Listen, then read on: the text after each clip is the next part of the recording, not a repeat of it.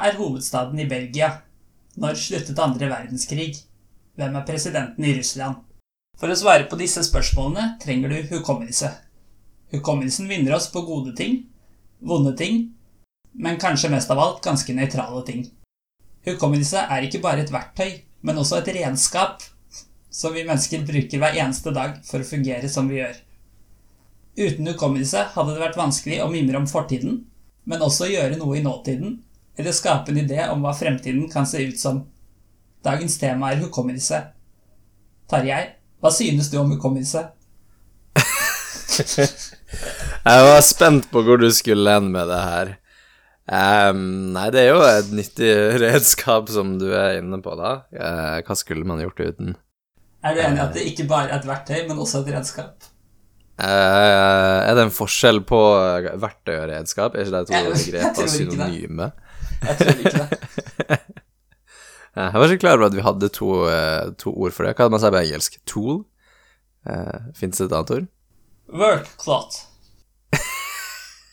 And then we have uh, scared uh, cupboard. Ikke sant. Bra. Jeg tror, jeg tror ikke cupboard er skap. Er det det? Er det ikke det? Eller jeg kanskje på sånn, sånn kjøkkenskap, på en måte. Ja, Ja, det er det kanskje. Hva er klesskap, da? Eh, jeg føler det er et ord man burde kunne. Klaset. Klaset? Var det det du sa? Ja.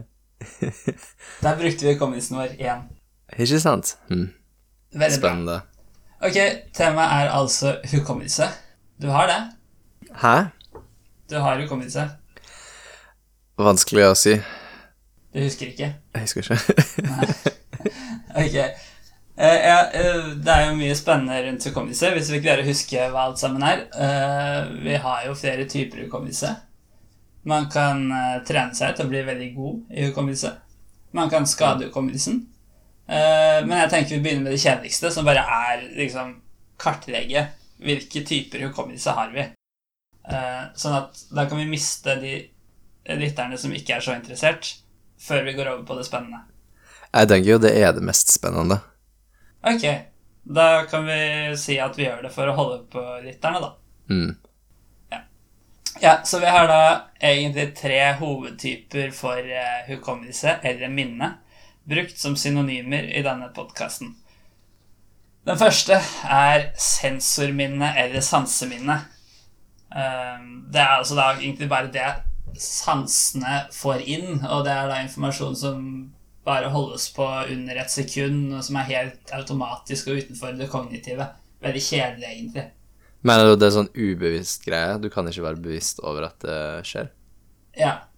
Du, det er jo liksom at du husker Hvis du hører en lyd, så husker du starten på lyden fortsatt når du hører slutten av lyden. liksom. Ja, oppdaga du, eller opplevde du noen gang at du kan høre at noen sier noe til deg uten at du får med deg hva de sier, og så tar det liksom um, noen sekunder før du hører repeaten av det de sier inni hodet ditt, og så får du med Ja. deg? Skjønner du hva Jeg mener? i hvert- fall at liksom, jeg må prosessere det. Jeg har fått inn rådataene, men jeg har ikke Ja, på en måte. ennå.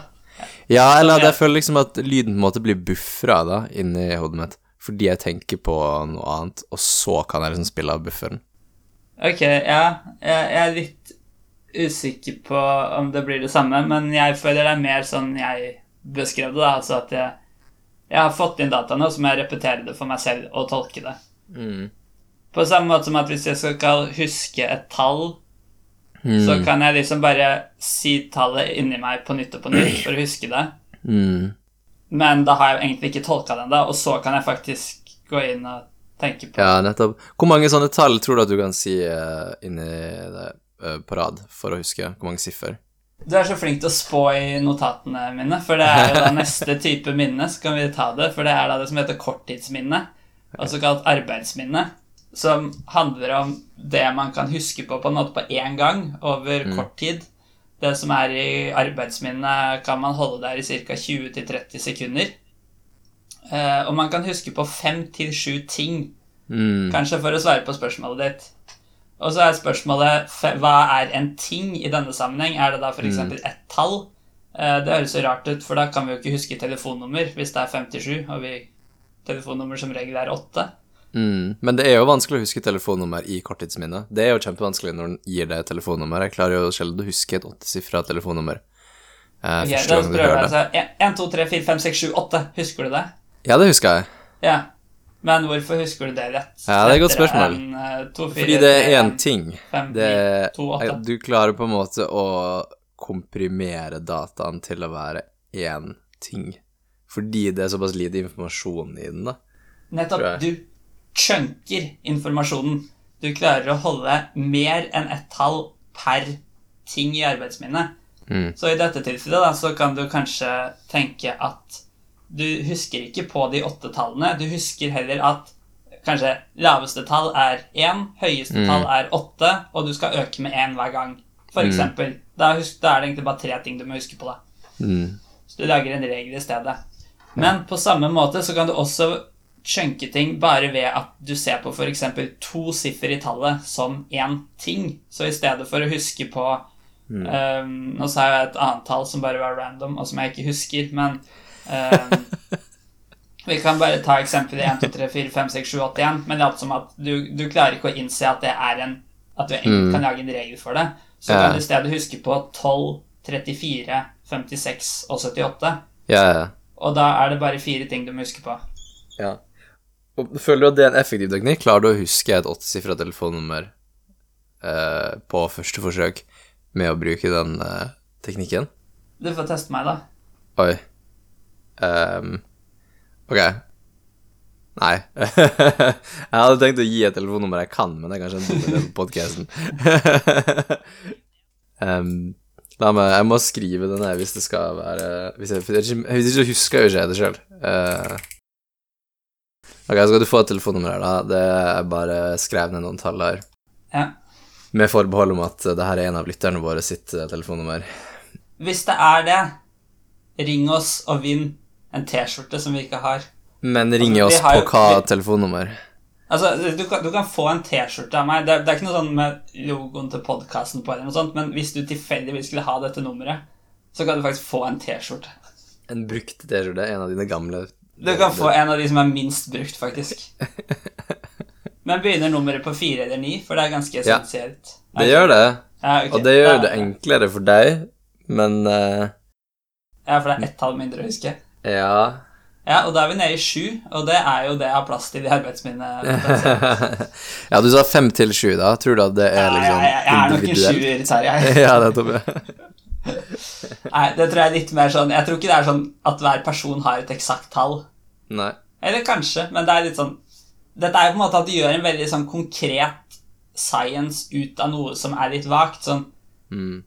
ja Men det er, jeg syns det er litt kult òg, da. Sånn, det er akkurat liksom 57, men er i det hele tatt arbeidsminnet så tydelig definert? Mm. Vi får, vi får se, holdt jeg på å si. Jeg vet ikke om vi får se. Men ok, vi får høre nummeret, da. Er du klar? Jeg er klar. Jeg har vært klar lenge. Eh, vil du ha det chunka i fire I fire tosifra tall? Eller? Ja. Okay, Det er kanskje det sånn du hadde sagt hvis, jeg, hvis det hadde vært en realistisk test, så hadde vi kanskje sagt det sånn. Ja, det er hvis, sant. hvis jeg skulle huske nummeret. Man gjør jo det, og det er jo sikkert nettopp for å benytte seg av den uh, effekten her, da. Så Ja, telefonnummeret men er også fordi det er lettere å lese opp, da. Ja, det er det sikkert også. Ok, så telefonnummeret er 98 56 12 35. 98 56 12 35.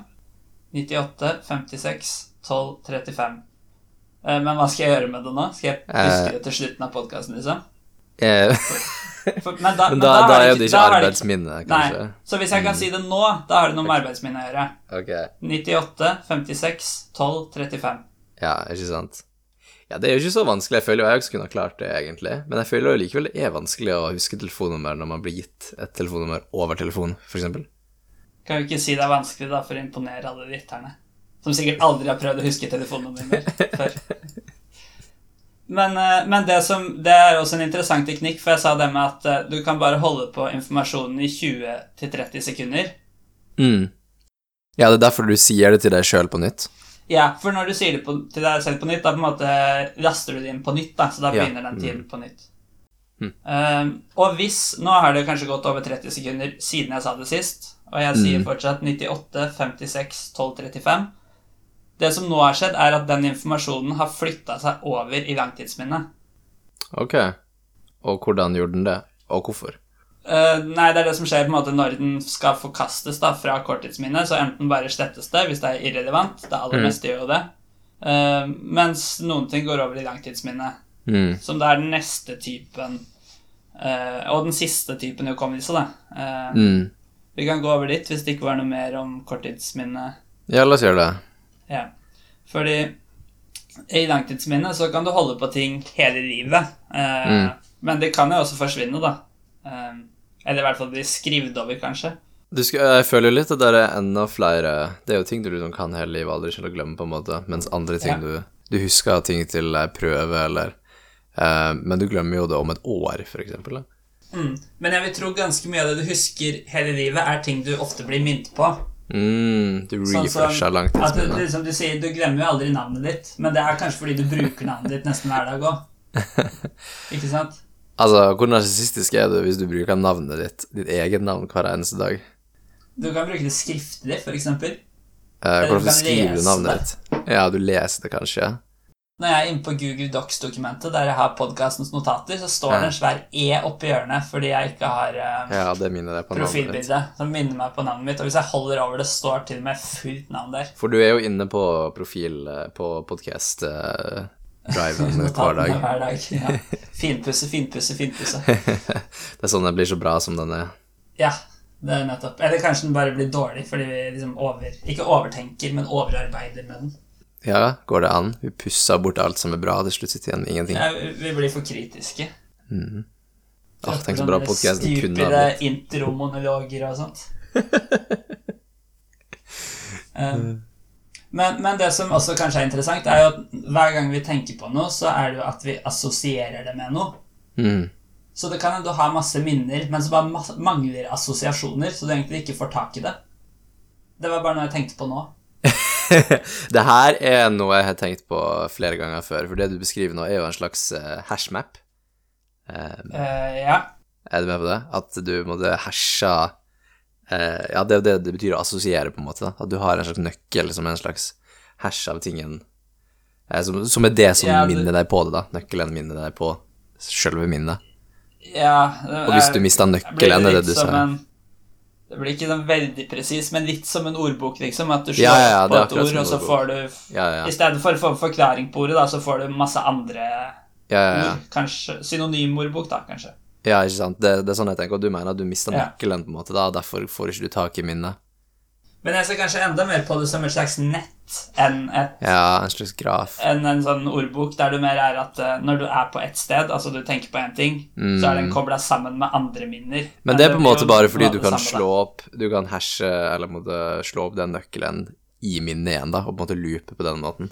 Ja, det kan du si, men der all, alle minner er både eh, hasher, altså det du slår opp på, Nøkla over og ja. ja, ja. Det har jeg tenkt på det her før, fordi det er noen ganger at eh, Det er jo noen ganger du blir påminnet en helt random ting som er liksom helt urelatert, tilsynelatende, til det du har tenkt på, eller situasjonen, og du skjønner Ja. ikke nødvendigvis engang hvorfor du ble minnet på den, det er bare sånn helt tilfeldig. Og det tenker jeg på som en slags sånn hash-kollisjon, da. At det, det er tilfeldigvis nøkkelen til et annet minne. som ja du ting bare er assosiert uten Bare på grunn av hvordan det er lagra, da. Omtrent. Ja, nettopp. Ja. Ja, ja. Hvis det er en sånn hashing-funksjon, som egentlig er en vilkårlig funksjon, som kan ha kollisjoner. Ja, det kan jo være det, men jeg tenker også det kan være ting du ikke er klar over selv, da, som kobler disse minnene sammen. Kanskje du spiste akkurat den samme maten ved to anledninger, eller Ja, nettopp, ja. et eller annet sånt. Men, men eh, ja, det jeg bare tenkte på nå, at det, det betyr at det kan hende vi har masse minner som vi aldri får tak i. De ligger Mm. der og er veldig bra bevart, men vi assosierer det ikke med noe annet, eventuelt bare med hverandre, og det er liksom Mm. ikke noe som trigger det. Ja, nei, det blir en sånn uh, lukka, eller hva heter det, en disjunkt del av grafen. Tror Ja. ikke du det er en slags garbage eh, collection-mekanisme i hjernen som fjerner urefererte minner etter hvert? Kanskje. Mm. Um, ja, nei, det er vanskelig å si for mye om hjernen. Veldig spennende. Men jeg, jeg syns liksom hjerneforskning er veldig kult, men det virker veldig vanskelig å finne Ja, noe særlig svar. ja, det gjør det. Man må egentlig bare skanne hjerna liksom på atomnivå, tror jeg. Ja, men hjelper det? Ja Det bør jo hjelpe det. Men, Hvis du uh, skanner den mens den er i bruk, i alle fall, så kan du se Ja. hvordan den funker. Kanskje. Mm, ja, kanskje. Men i hvert fall denne langtidsminnet da, er delt opp i, i to typer underkategorier, nemlig det som heter eksplisitte og implisitte minner. Okay. Og de implisitte er sånne ting man ikke aktivt må hente frem, men mer sånn sykle, svømme, kjøre bil, pusse Mm. tennene, snakke et språk. Ting som Mm. skjer ganske underbevisst, da. Det er forresten veldig rart at man klarer å lage setninger sånn uten å planlegge dem på forhånd. Det, jeg syns det er noe av det merkeligste med mennesker. Ja, det betyr jo på en måte at det ikke er du som eh, konstruerer setningene, men at det er noe annet i uh, utenfor din bevissthet som eh, bestemmer hva du skal si. Ja. Uh, liksom, jeg bare begynner på en setning, og så blir Mm. den omtrent alltid bra. Jeg har merka når jeg har redigert podkastene, det er ganske ofte egentlig jeg har et eller annet feil ord inni setningen. Ja. Men, eh, Mm. Men jeg tror kanskje det kan være litt mer når man spiller inn en podkast òg. Jeg tror det er ganske vanlig. Det jeg føler jeg har hørt ting om det før, at det man Ja. snakker Eller det, det, Man stokker mye mer i orda og går mye mer surr enn det man er klar over. Og andre folk gjør det òg. Mm. Bare Både de som snakker, og de som hører på, filtrerer det bort. Ja. Um, og forstår det som blir sagt likevel. ja, for det kan være at når jeg redigerer egen podkast, er jeg litt mer kritisk til innholdet Mm, enn en samtale. Mm. Men, men ja, det er rart. Jeg syns det aller rareste er at det blir grammatisk korrik eh, riktig. ja, ikke sant? Korriktig. Det var et fint nytt ord. Blanding av Ja, ja, ja, sant. Eh, liksom at jeg, ja, at jeg kan si én før et substantiv som jeg egentlig ikke Ja. Altså, jeg har, jeg har tydeligvis planlagt å si det, da, men jeg visste ikke jeg Men du, var, du er ikke ikke si bevisst over det sjøl, da. Men det er jo noen ganger, iallfall merka jeg det, at jeg går i surre noen ganger, at jeg sier feil eh, Feil Hva heter det? Artikkel? Feil kjønn? Ja. På, på den måten. Men jeg lurer på om det er fordi jeg ombestemmer etter jeg har sagt et, Når det kommer for langt inn, på en måte. ja, og så gidder du liksom ikke å korrigere Jo, men jeg tror kanskje man korrigerer òg. Men at du Ja, liksom sier det, og så går du tilbake og retter på det. Jeg vet ikke helt Ja. hvordan eh, man gjør det i praksis. Nei. Nei, det var en liten avsporing, men det er eh, ja, skikkelig rart, syns jeg. Men det er veldig bra, da. Men det hadde vært veldig frustrerende å ikke klare det. Klare det. Spesielt når alle andre klarer det. Men så liksom Ja, men det er jo noen som strever med det, at de snakker på en måte litt sånn veldig sakte og tydelig på en måte. Eh, Ja. Fordi de har en sånn Jeg tror det at de liksom prøver å filtrere mye av det de sier, før de sier det. Mm. Og liksom gjennom den bevisste, bevisste prosessen, da. Og det er en sånn sein prosess. Ja, jeg tror du begynner egentlig å snakke mye mer feil hvis du begynner å Mm. tenke på det. Ah, det må vi ikke gjøre nå. Vi må distrahere oss fra et tema. Vi må få det ut av arbeidsminnet. 30 sekunder, så er det gone. Vi må passe på at det ikke lagres i langtidsminnet. Forresten 98, 56, 12, 35. Det hørtes riktig ut, det, selv om jeg fjerna tatt bort notatet nå. På dette tidspunktet er jeg mer redd for å si feil enn for å ha huske feil, hvis du skjønner hva jeg mener. Da skal du få lov å si det på nytt, tenker jeg. Kan vi klippe det bort. 98. Nå begynner jeg å bli bevisst, så nå blir det vanskelig. 56. 12. 35. Skal vi ringe og se hva som skjer? Det hadde vært litt gøy, da. Det kunne vi avslutta podkasten med. Det kan gjøre det hvis vi husker. Og du gjør det. Eh, Det er ikke, det er ikke lov å google nummeret først, i hvert fall, for det blir ikke noe gøy. Nei, det ødelegger litt moro. Nei, vi, vi gjør det hvis vi husker på det. Det er jo på en måte den store utfordringa i denne podkasten. Jeg har skrevet ned notatene mine. det er en cheat. Ironisk når vi snakker om hukommelse. Ironisk å bare ha notater i dag, egentlig. Ja, det er sant. En slags ekstern harddisk. Vi, vi hadde altså implisitte langtidsminner, og vi har også eksplisitte langtidsminner, som da mer er sånn eh, ting man husker etter å ha bevisst tenkt på dem, som for eksempel ja, navnet ditt, da. Mm. Um, og under de eksplisitte minnene igjen så er det flere undertyper, annet episodisk, som er konkrete hendelser fra fortiden, for eksempel liksom en ferie man var på. Um, og så er man da semantisk, som er mer sånn faktaopplysninger, som eksempel er uh, svaret på de spørsmålene jeg stilte helt i starten av podkasten. Liksom, Mm. hvem er president i Russland? Mm. Um, I tillegg da, så er denne, i hvert fall disse episodiske minnene veldig upålitelige. Hver gang man henter fram et minne, så endrer man Mm. på det. Som er litt sånn trist hvis du har et sånn godt minne, da. Så er det sånn som du har lyst til å mimre på, men du vet at hvis du mimrer på det, så manipulerer du på det, og på en måte ødelegger det litt og ditt, da. Du ødelegger det jo, men det blir ikke nødvendigvis mindre godt av den grunn, da. Det blir bare mindre Nei, sant. det kan Jeg føler ofte at minnene faktisk blir bedre. At liksom, fordi du, du filtrerer ut alt det kjedelige. Altså, Legge til litt eh, ting som ikke var der. Positive ting. ja. Ja, For eksempel hvis jeg tenker på å ha eksamen, så tenker jeg liksom Å, det var deilig å liksom bli ferdig med Mm. fag, og gikk stort sett bra, og liksom Noen av oppgavene var kanskje gøye, men så tenker jeg ikke på all bekymringen og alt jeg måtte øve og sånn, liksom, fordi Mm. det er så likt, ikke sant? Det er så likt. Ja, liksom at uh, hvis jeg øver i ti timer, Mm. og så er jeg sånn, glad i ti minutter for at jeg ble ferdig med eksamen, Ja. så husker jeg liksom ikke at jeg brukte så mye mer tid på det kjipe først. Det er liksom Nei. bare to Mm. forskjellige ting. ja, ok. Som også, utrolig nok, uten at jeg prøvde på det, kommer inn på neste punkt her, nemlig at uh, de episodiske minnene blir liksom sterkere hvis de er koblet til en sterk emosjonell reaksjon, som hvis Mm. man er glad eller redd, liksom, at uh, du husker det bedre enn bare sånne standardting. ja, det gir mening, det. Du går jo ikke rundt og husker dagligdagse ting. Og det er jo litt sånn Nei. greia at du husker jo egentlig mest, ikke mesteparten av livet ditt. Det er jo en utrolig liten del av det som du faktisk husker. Tenk så mange timer som har gått bort i å bare glemt deg. Hvor liten andel av livet ditt er du på ferie, men hvor stor del av minnene dine Jeg tror det er en ganske mye større, da. Fordi det er noe spesielt. Ja, ja. Absolutt.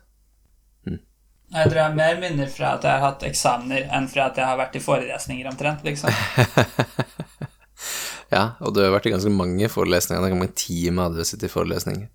Og, Ja, det er jo sikkert og du husker nesten eh, ingenting av det. Jeg vet ikke hva det er i snitt. Si 15 forelesninger per eksamen, da. Mm. Eller noe sånt. Er det så lite? Det er jo stort sett bare én i uka. Men det Ja, høres lite ut. Det, er det høres lite det, ut. Men det varierer litt fra fag til fag, da. Men det som er interessant, er at du husker jo likevel innholdet i mye av de fagene. Du kan jo temaene som ble undervist, men du er helt glemt at du var i forelesningene. Ja, så det er mer blitt gjort om til semantiske minner, da. Altså faktaopplysninger. Enn episodisk. Hmm. Og det er jo på en måte bra, fordi det er jo det som er viktig. Det er viktig Ja, det er hva jeg leste, ikke hva jeg spiste mens jeg leste det, liksom. Ja, ja, ja. Det Samtidig som fordelen med det episodiske er at det kanskje kan ha sterkere sånne assosiasjoner, da. Fordi du eh, Hvis du har en faktaoppvisning, så kanskje du må tenke på det temaet for å huske den. Mm. Men hvis jeg i tillegg husker hva jeg spiste når jeg leste om det, så kan jeg også bli påminnet om det minnet hvis jeg spiser det samme igjen. Ikke sant? Så du har på en måte flere Ja, Flere herser, da, eller nøkler som ja, ikke sant. Har du noen gang den opplevelsen at det er, nok, det er liksom to sånn urelaterte ting som blir veldig sterkt kobla? Men Du- altså, det ja, kanskje ikke at de, er, at de faktisk er urelatert, eller at jeg ikke finner forbindelsen. Jo, men jeg tenker mer sånn Hvis du har hørt på en podcast mens du er ute og går, eksempel, noen ganger så kan jeg oppleve veldig sterkt at, at jeg husker nøyaktig ordrett hva som blir sagt når jeg så på en spesifikk ting. Og når jeg ser på den tingen igjen, så husker Skjønner du hva jeg mener? De to eh, Det visuelle og det jeg hørte, blir noen, det blir noen veldig sterk kobling mellom de to tinga. Fordi det skjedde samtidig, sjøl om det yeah. egentlig ikke er liksom eh, semantisk relatert. Ja, jeg husker blant annet før så pleide jeg ofte å uh, spille dataspill mens jeg så på noen filmer eller noe ved siden av. Ja, nettopp. Og hvis jeg spilte samme dataspillet senere, og var på samme sted i spillet, så husket jeg nøyaktig Mm. hvilken scene jeg så på Ja, i, i filmen, da, ikke sant? for eksempel. Mm. I tillegg er det sånn det, Altså, det er jo ikke urelatert, da, men um, noen ganger når jeg tar jeg, jeg spiser ikke så ofte tyggis, men hvis jeg gjør det, så tenker jeg ofte på, på at jeg er på et fly, fordi i hvert fall da jeg var mindre, så pleide jeg å tygge tyggis når flyet skulle rette og lande, for sånn trykk. Greier. Mm, ok.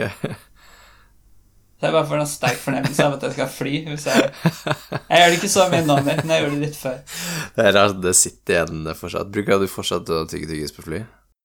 Eh, Jeg har ikke flydd så mye i det siste, men eh, så jeg Nei. husker egentlig ikke. Jeg tror jeg i hvert fall Jeg slet mer med de som har fått sånn vondt i ørene eller sånn før, da. Mm. Klarer, du å, klarer du å utligne trykk i ørene nå uh, uten å tygge tyggis? Eller bare ved å gjespe, for eksempel? Hvis jeg flyr, liksom? Eller noe tilsvarende? Nei, nå. Jeg tror det. Jeg, jeg er på headset, så kanskje det ødelegger trykket i ørene. Jeg klarer å utligne trykk i ørene bare ved å bevege musklene inne i hodet mitt. Eh, Så jeg tror ikke du ser det utenfra engang, men jeg hører det veldig godt. Det knitrer sånn. Jeg kan bevege på kjeven, så knitrer det. Ja, nettopp. Kjenner du at det utligner trykket? Jeg føler det er en sånn superkraft jeg har. Ja, jeg tror det. Jeg kan utligne trykket uten å bevege en ekstern muskel. Det er nesten like kult som å kunne fly. Altså, man bruker jo det gjerne på fly, da. Så. Oh, ja, det tenkte jeg ikke på engang. All right, all right, all right, all right. Der holdt jeg på å rote med ordene igjen. Men 98, 56, 12, 35 sitter fortsatt. Shit, ass. Så det er bra. Um, så da kan vi jo gå videre til noe annet, egentlig. Nå tror jeg vi har dekket liksom de typene hukommelse som jeg mente var kjedeligst. Du mente var gøyest. Jeg syns jo det her har vært ganske gøy. Det kan jo bare gå nedover herifra. Det har jo vært gøy. Eh, det har jo det. Men Det bare, Jeg har ikke så mye om det, men litt sånn hva som skjer hvis du, hvis du skader eh, Hvis du skader deg, så hukommelsen blir skadet. Mm. Jeg trodde det skulle være masse sånn morsomme eksperimenter å finne. Jeg fant egentlig bare én som var litt interessant. som Eksperimenter, det høres Ja, litt uetisk Ja, ut. ok, men ok, skader som de har gjort eksperimenter på i ettertid, da. Ja, ok. Greit. Du har nå opplevd en uh, utrolig traumatisk og livsforandrende hendelse. Kan vi få lov å eksperimentere litt på det her? Ja, det er det sånn der. Det er som het Henry Molaison, um, som hadde fått epilepsi etter en sykkelulykke og fjernet begge hippocampus i hjernen uh, for at det skulle hjelpe, da. Og jeg tror det hjalp, men det gjorde at han ikke kunne lagre nye minner. Eh, og alle minner som var yngre enn tre år, forsvant. Så han, liksom, han huska barndommen og sånn, men ikke de siste årene, og klarte ikke å lære nye ting. Men uh, alle som er yngre enn tre år, forsvant. Hva mener du med det? At uh, det som skjedde for to år siden, husker du ikke. Det som skjedde for fire år siden, husker du. Ja, men Mener du fire år før ulykka, eller er det sånn at han begynte å huske ting uh, liksom fire år tilbake i tid? Nei, jeg tror det var da øh, før operasjonen, da. Ja, altså, altså alt fram til tre år før operasjonen huska han, og etter det så Ja. ingenting. Og ja, jeg tror ikke han får det med sånn tre års delay, nei. Nei, nei, det var det jeg lurte litt på. Det hadde vært rart. Det hadde vært interessant hvis man hadde sånn mellomlagringstilstand, da, at liksom den var skadet, men de kom ut på andre siden igjen. Ikke sant? Da betyr det at det er en sånn buffer på tre år en eller annen plass eh, inne i hukommelsesmaskineriet. Ja, som, og den må jo på en måte virke, for den må jo klare å ha vinden der sånn at den sender de ut om tre år. Det er bare at du på en måte ikke klarer å aksessere den. Kjemperart. Men det hadde, på en måte, det hadde ikke vært så rart heller, i og med at hjernen bare er så rar. Ja, hjernen er jo rar og kompleks, så det kunne jo vært sånn. Men sånn er det altså da ikke, så vidt Nei, jeg vet. ikke, ikke med han her, da, i hvert fall. Mm. Det kan jo være sånn for deg. Vi kan jo håpe. Men det er jo litt interessant at det skjer noe på tre år, for det tyder jo på at langtidsminnet kanskje er delt opp i noe Mm. bolker igjen, da, ut fra hvor lenge det er. Ja, og det gir jo veldig masse mening. Det kan jeg tro på. Ja. Men uh, han hadde da korttidshukommelse, da, så han, liksom, han funka jo greit sånn til å holde en samtale med og sånt. Mm. Men det funker jo ikke så bra sånn i hverdagen. Men, uh, men du har kanskje ikke definert korttidshukommelse, da? Er det det samme som arbeidsminne? For da er det bare snakk om 20-30 sekunder, og det er jo en eh, veldig vanskelig samtale. Du burde jo kunne holde en litt lengre tråd enn det, føler jeg. Ja, Det vet jeg ikke detaljene på. Det står korttidshukommelse, som er det samme som arbeidsminne. Så om man Mm. bare huska 30 sekunder, eller om man kanskje litt eh, Hva skal man si, den aller raskeste delen av langtidshukommelsen også virka, da. Mm. Det, Hm. det vet jeg ikke. Men det som er veldig gøy med at uh, hvis man ikke husker ting, så blir man ikke lei av å gjøre ting. Mm, Har du tenkt på Nei, det? interessant. Det er ganske interessant. Så Det har ikke jeg tenkt på. Har du tenkt på det før du leste om han her? Mm, Nei, jeg vet Nei, det vet jeg ikke om jeg har gjort. Mm. Men eh, ja, det betyr eksempel at de hadde jo masse eksperimenter med han, men han ble jo aldri lei av å bli eksperimentert med. er det noe du bare har tenkt, eller står det på Wikipedia? Jeg, jeg, tror, jeg tror jeg har hørt det. Ah, herregud, det er tragisk. Ja, men det er jo litt fint, da. Men måtte ikke de forklare på nytt og på nytt og på nytt? Det her minner veldig om filmen Memento. eh, forklare Ja, til den har jeg tenkt å, den har tenkt å ta opp senere, men vi kan Ja. ta den nå. Ja. Som da altså er en film om en som ikke har Ja, det blir vel bare Han har han har vel kanskje noe tilsvarende her, at han har arbeidsminne. Mm. Men han husker liksom ikke dagen før, men han husker vel eh, barndommen og sånn. Mm. Han husker vel egentlig fram til en hendelse i livet hans. En Mm. traumatisk hendelse eller noe sånt. Mm. Så det blir jo litt det samme, da. Husker Mm. barndommen og det som skjedde for ti sekunder siden, men ikke gårsdagen. Skulle du si noe mer om, om filmen? Um, det er jo en film laga av uh, den eh, beste nålevende regissøren Christopher eh, Nolan. Men det er ikke en av de filmene som er gode, da, tenker jeg. Eh, det var liksom den siste Ah, ja. filmen før han ble Jeg, jeg Før Nolan ble jeg, Nolan. jeg syns den er ganske bra. Ja, det er, det er jo en litt uh, spennende Iallfall hvis du ser på en sånn uh, art-film, så er jo den god på den måten. Men det er liksom ikke Batman Begins var vel den første filmen han lagde som, uh, som var en sånn klassisk Nolan-film. Som var bra. som var bra. Men det som er litt kult med Memento, er okay, at den jeg, jeg, sim- likte den, jeg liker denne bedre enn Batman. Oi, ok. Interessant. Men det er jo ja, Den er litt mer sånn mind-blowing, da, eller hva man skal si. Ja, og det som er kult, sant, det er at måten de eh, på en måte simulerer uh, hans Eller på en måte prøver å gi seeren den opplevelsen som han har med å ikke huske det som nettopp har skjedd, er jo at filmen filmen foregår baklengs. Uh, scenene foregår baklengs, du veit måte aldri hva som har skjedd i scenen før, på samme måten som karakterene. Skal vi se Hver scene begynner med slutten på neste scene. Eller sagt på en annen måte, hver scene slutter med starten på forrige scene. Mm. Ja. Det er litt gøy. Så du vet åssen det slutter, men du vet ikke hvordan det begynte. Mm. Men det er jo ikke helt riktig, det heller, fordi Eller altså, det gir jo ikke en riktig opplevelse av situasjonen, for det er jo ikke sånn han opplevde. Han veit jo ikke framtida. Nei, da, det gjør han ikke. Selv om det hadde vært en interessant hjerneskade, at du plutselig begynner å huske framtida. Det hadde vært uh, interessant, ja. Um, tilbake til den uh, Molaisen, da. Så det som var litt interessant, det var to ting de testa på han i hvert fall. Det ene var å prøve å få han til å lære å tegne en stjerne ved å se i et speil. Så du får ikke se på det du tegner, Mm. Men du skal se i speilet. Jeg ser ikke helt problemet, for jeg ville vel tro det gikk an å tegne en stjerne uten å se på noe som helst. Men, okay. Men jeg tror det er veldig vanskelig å tegne ved å se et speil, er vel poenget. Ja. Men etter liksom mange forsøk, da så Så der han liksom glemte det Si at han gjorde det hver dag, da, eh, Mm. over flere måneder. Jeg vet ikke hvor lenge. eh, Så begynte han å klare å gjøre det bedre. Mm. Så det tyder på det at uh, dette er da motorisk hukommelse, og at det ikke er Mm. skadet, at det er noe annet. Det henger Mm. da litt sammen med denne implisitte minnene som vi snakka om tidligere. ja. sånn Og, og det sånn. syns jeg gir mening, for det er jo ikke som du går rundt og husker hvordan man sykler. Nei. På en måte. Du, du gjør ikke det, men du kan jo også sykle hvis du skulle prøve. Det er jo noe helt annet enn å huske et fakta eller en episode.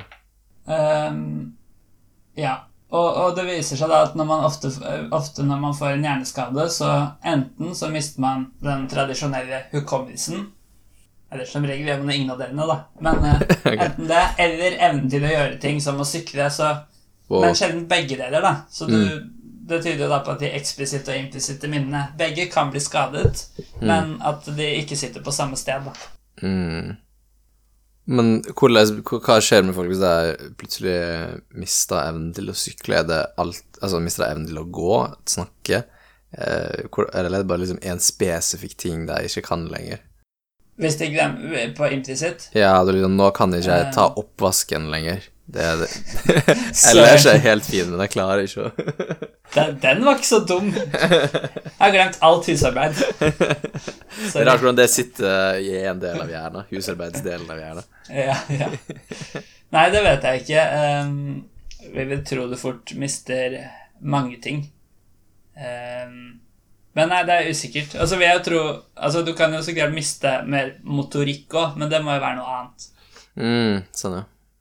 Ok, men Betyr det at du kan lære deg opp igjen til å sykle, da, hvis du hadde mista den eh, delen av, av Det er sånn jeg vil tolke det. Hvis ikke du permanent har skada den delen av hjernen der du lærer det, da. Ja, ikke sant. Da kan du aldri lære noe nytt igjen, da. Nei, det blir litt sånn der hvis du Sånn som hvis du mister hukommelsen Mm. permanent, da. Ja, ikke sant. Men jeg vet ikke, det er vel kanskje noen som mister hukommelsen, men også Men kan lage ny hukommelse, kan du si? At den bare resettes mer? Ja, det har jeg hørt om, eh, føler jeg. Ja. Det, jeg hadde faktisk en litt sånn opplevelse her en dag. Jeg tok fram uh, den eh, Hva heter det, vitenskapelige kalkulatoren som jeg brukte på studiet, um, for å regne på noen tall. Um, og så regna jeg litt, og så uh, gikk det fint. Og så Ja. så jeg på den og skulle taste inn et nytt tall, og så klarte ikke jeg å finne kommaet. Ja. og uansett hvor mye jeg leita, liksom så går alle knappene, så så jeg ikke kommaet. Og det som hadde skjedd, da, uh, kommaknappen hadde blitt sånn, liksom Uh, slitt ut og skrapa bort liksom malinga på den, men alle andre knappene var, var greie, da. Jeg bare skjønte ikke hva som skjedde, så jeg måtte liksom lukke øynene og taste inn et tall med et komma. Og da gikk det greit, sant? for det, det satt jo dypt inni Ah, ja. hukommelsen, eller liksom muskelen min, da, ja. Var. Og da fant det, jeg ja, det gikk ja, Jeg skjønner hva du mener, for jeg aner heller ikke hvor kommaknappen er. Men hvis jeg hadde Nei. hatt kalkulatoren, så tror jeg kanskje jeg skulle klart det. Mm, ikke sant? Samme hvis du, hvis du spør meg Si liksom hvordan keyboardet ser ut. Liksom Mm. QWRTI osv. Jeg er ikke helt sikker på hele rekkefølgen. Sånn, det er sånn IO Jeg skal si IOU, men det er jeg litt usikker på rekkefølgen i. Ja. Men hvis jeg skriver, går det jo fint. Ja. Tror du at du klarer å, uten å opp tastaturet nå, da tror du at du klarer å, å bruke fingrene i lufta til å finne ut av rekkefølgen på IOU-Y, kanskje? Oi. Eh, da skal jeg finne frem et notat for det med Nei, jeg må ikke skrive Altså Ok, jeg må skrive Bare sånn at jeg ikke skriver i opptaksprogrammet, liksom, og ødelegger opptaket. Men jeg skal ikke se på det jeg skriver. Ok, da begynner vi med I am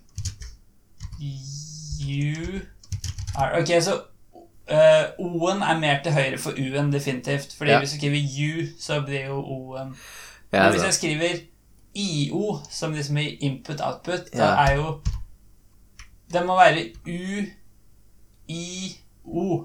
ja. Det er riktig. Yes. Og hvor er Y-en, da? I-en er eh, Den er vel rett før Altså, det, det, tastaturet heter jo liksom Kverti, så Ja. Y-en er jo i hvert fall før. Men spørsmålet er om det er noen imellom der, og det tror jeg ikke det er, men da må vi kan tenke igjen. Um, jeg skriver U Jeg tror de er rett ved siden av hverandre. Ja, det stemmer. Yes. Shit, ass. Wow. Bra jobba.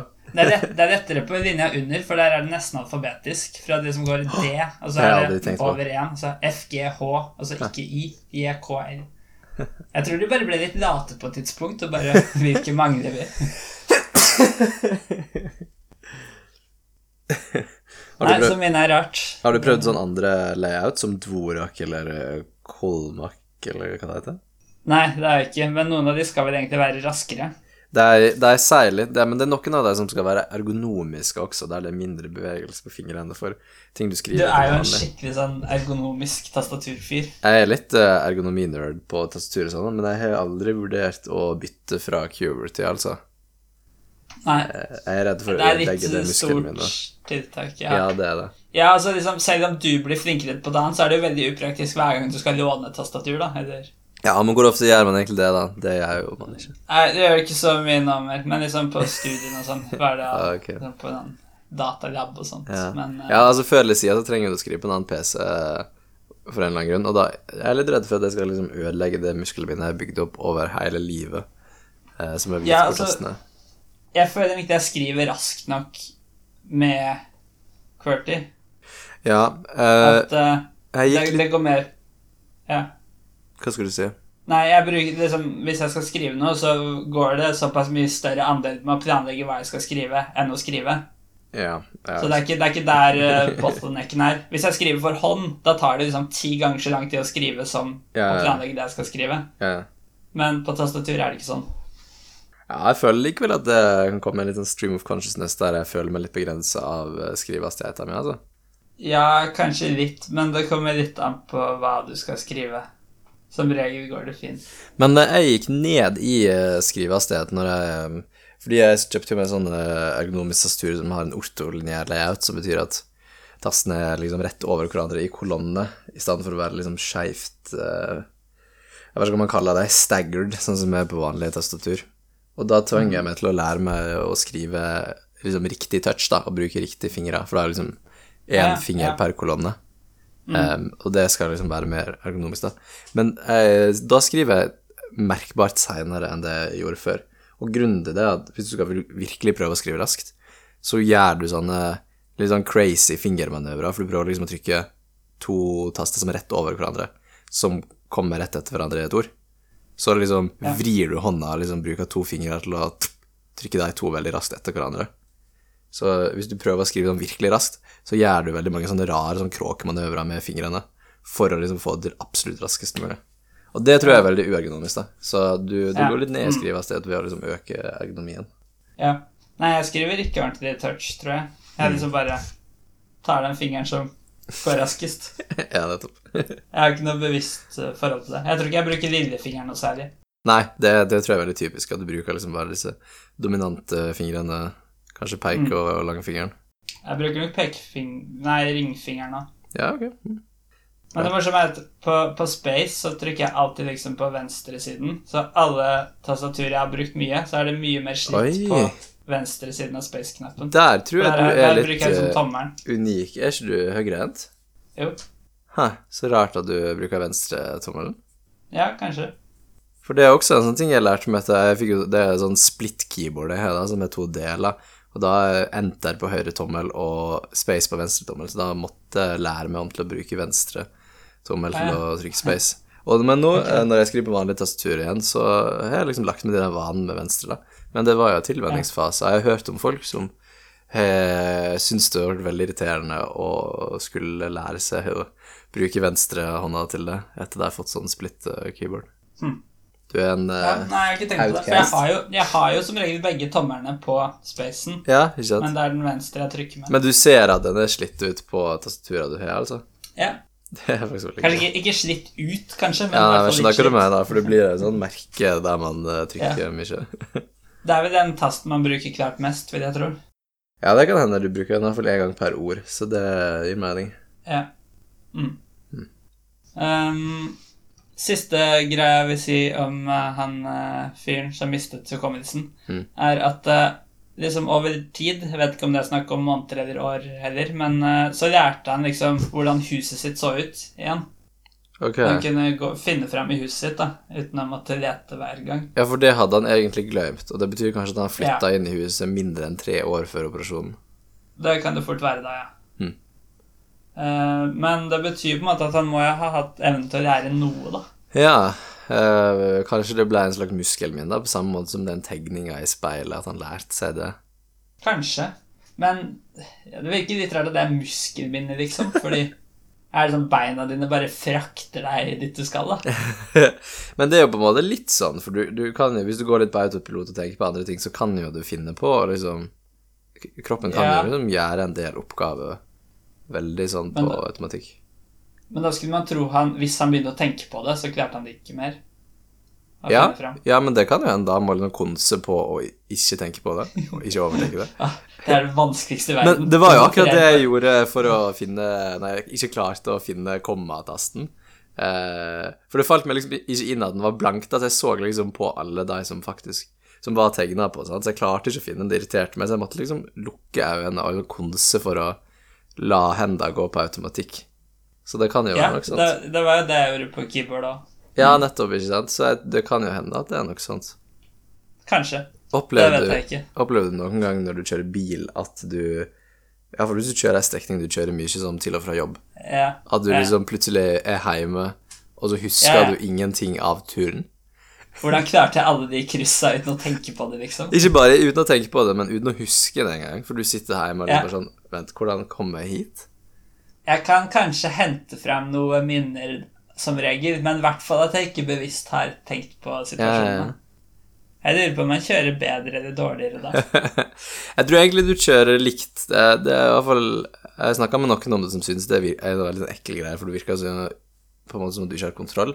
Men jeg Ja. tenker jo egentlig at du kjører jo sikkert bare helt likt, fordi det er jo ikke Ja. som om det er den bevisste delen av deg som har kontroll og er noe god på å kjøre.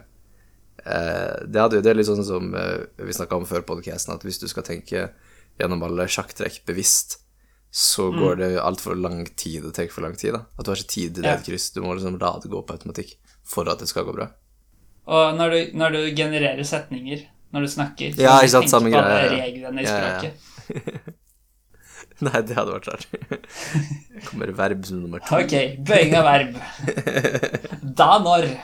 Da Men det er jo sånne ting man må tenke på bevisst for å, Ja. for å få riktig. Jeg får være helt ubevisst på da når, og nå har jeg blitt ganske bevisst på det. Jeg sier alltid feil, men så klarer jeg å rette meg rett etterpå det. Som bare er mer irriterende, sikkert. Ja, er det egentlig verdt å prøve å opprettholde den? For det er en slags konvensjon eller regel som, eh, som eksisterer for Nei. å gi en viss mengde informasjon om den tingen du snakker om, men når ingen bruker den riktig, hva da er det ikke noe poeng, for det er liksom Selv om du hadde brukt den riktig, da, så har jo ikke folk skjønt at du brukte det riktig, og Nei, dermed det er bare tullete. Det Det tror mer jeg vi informasjon snakka om ut av det. sist da, eller noe sånt. gjorde vi det.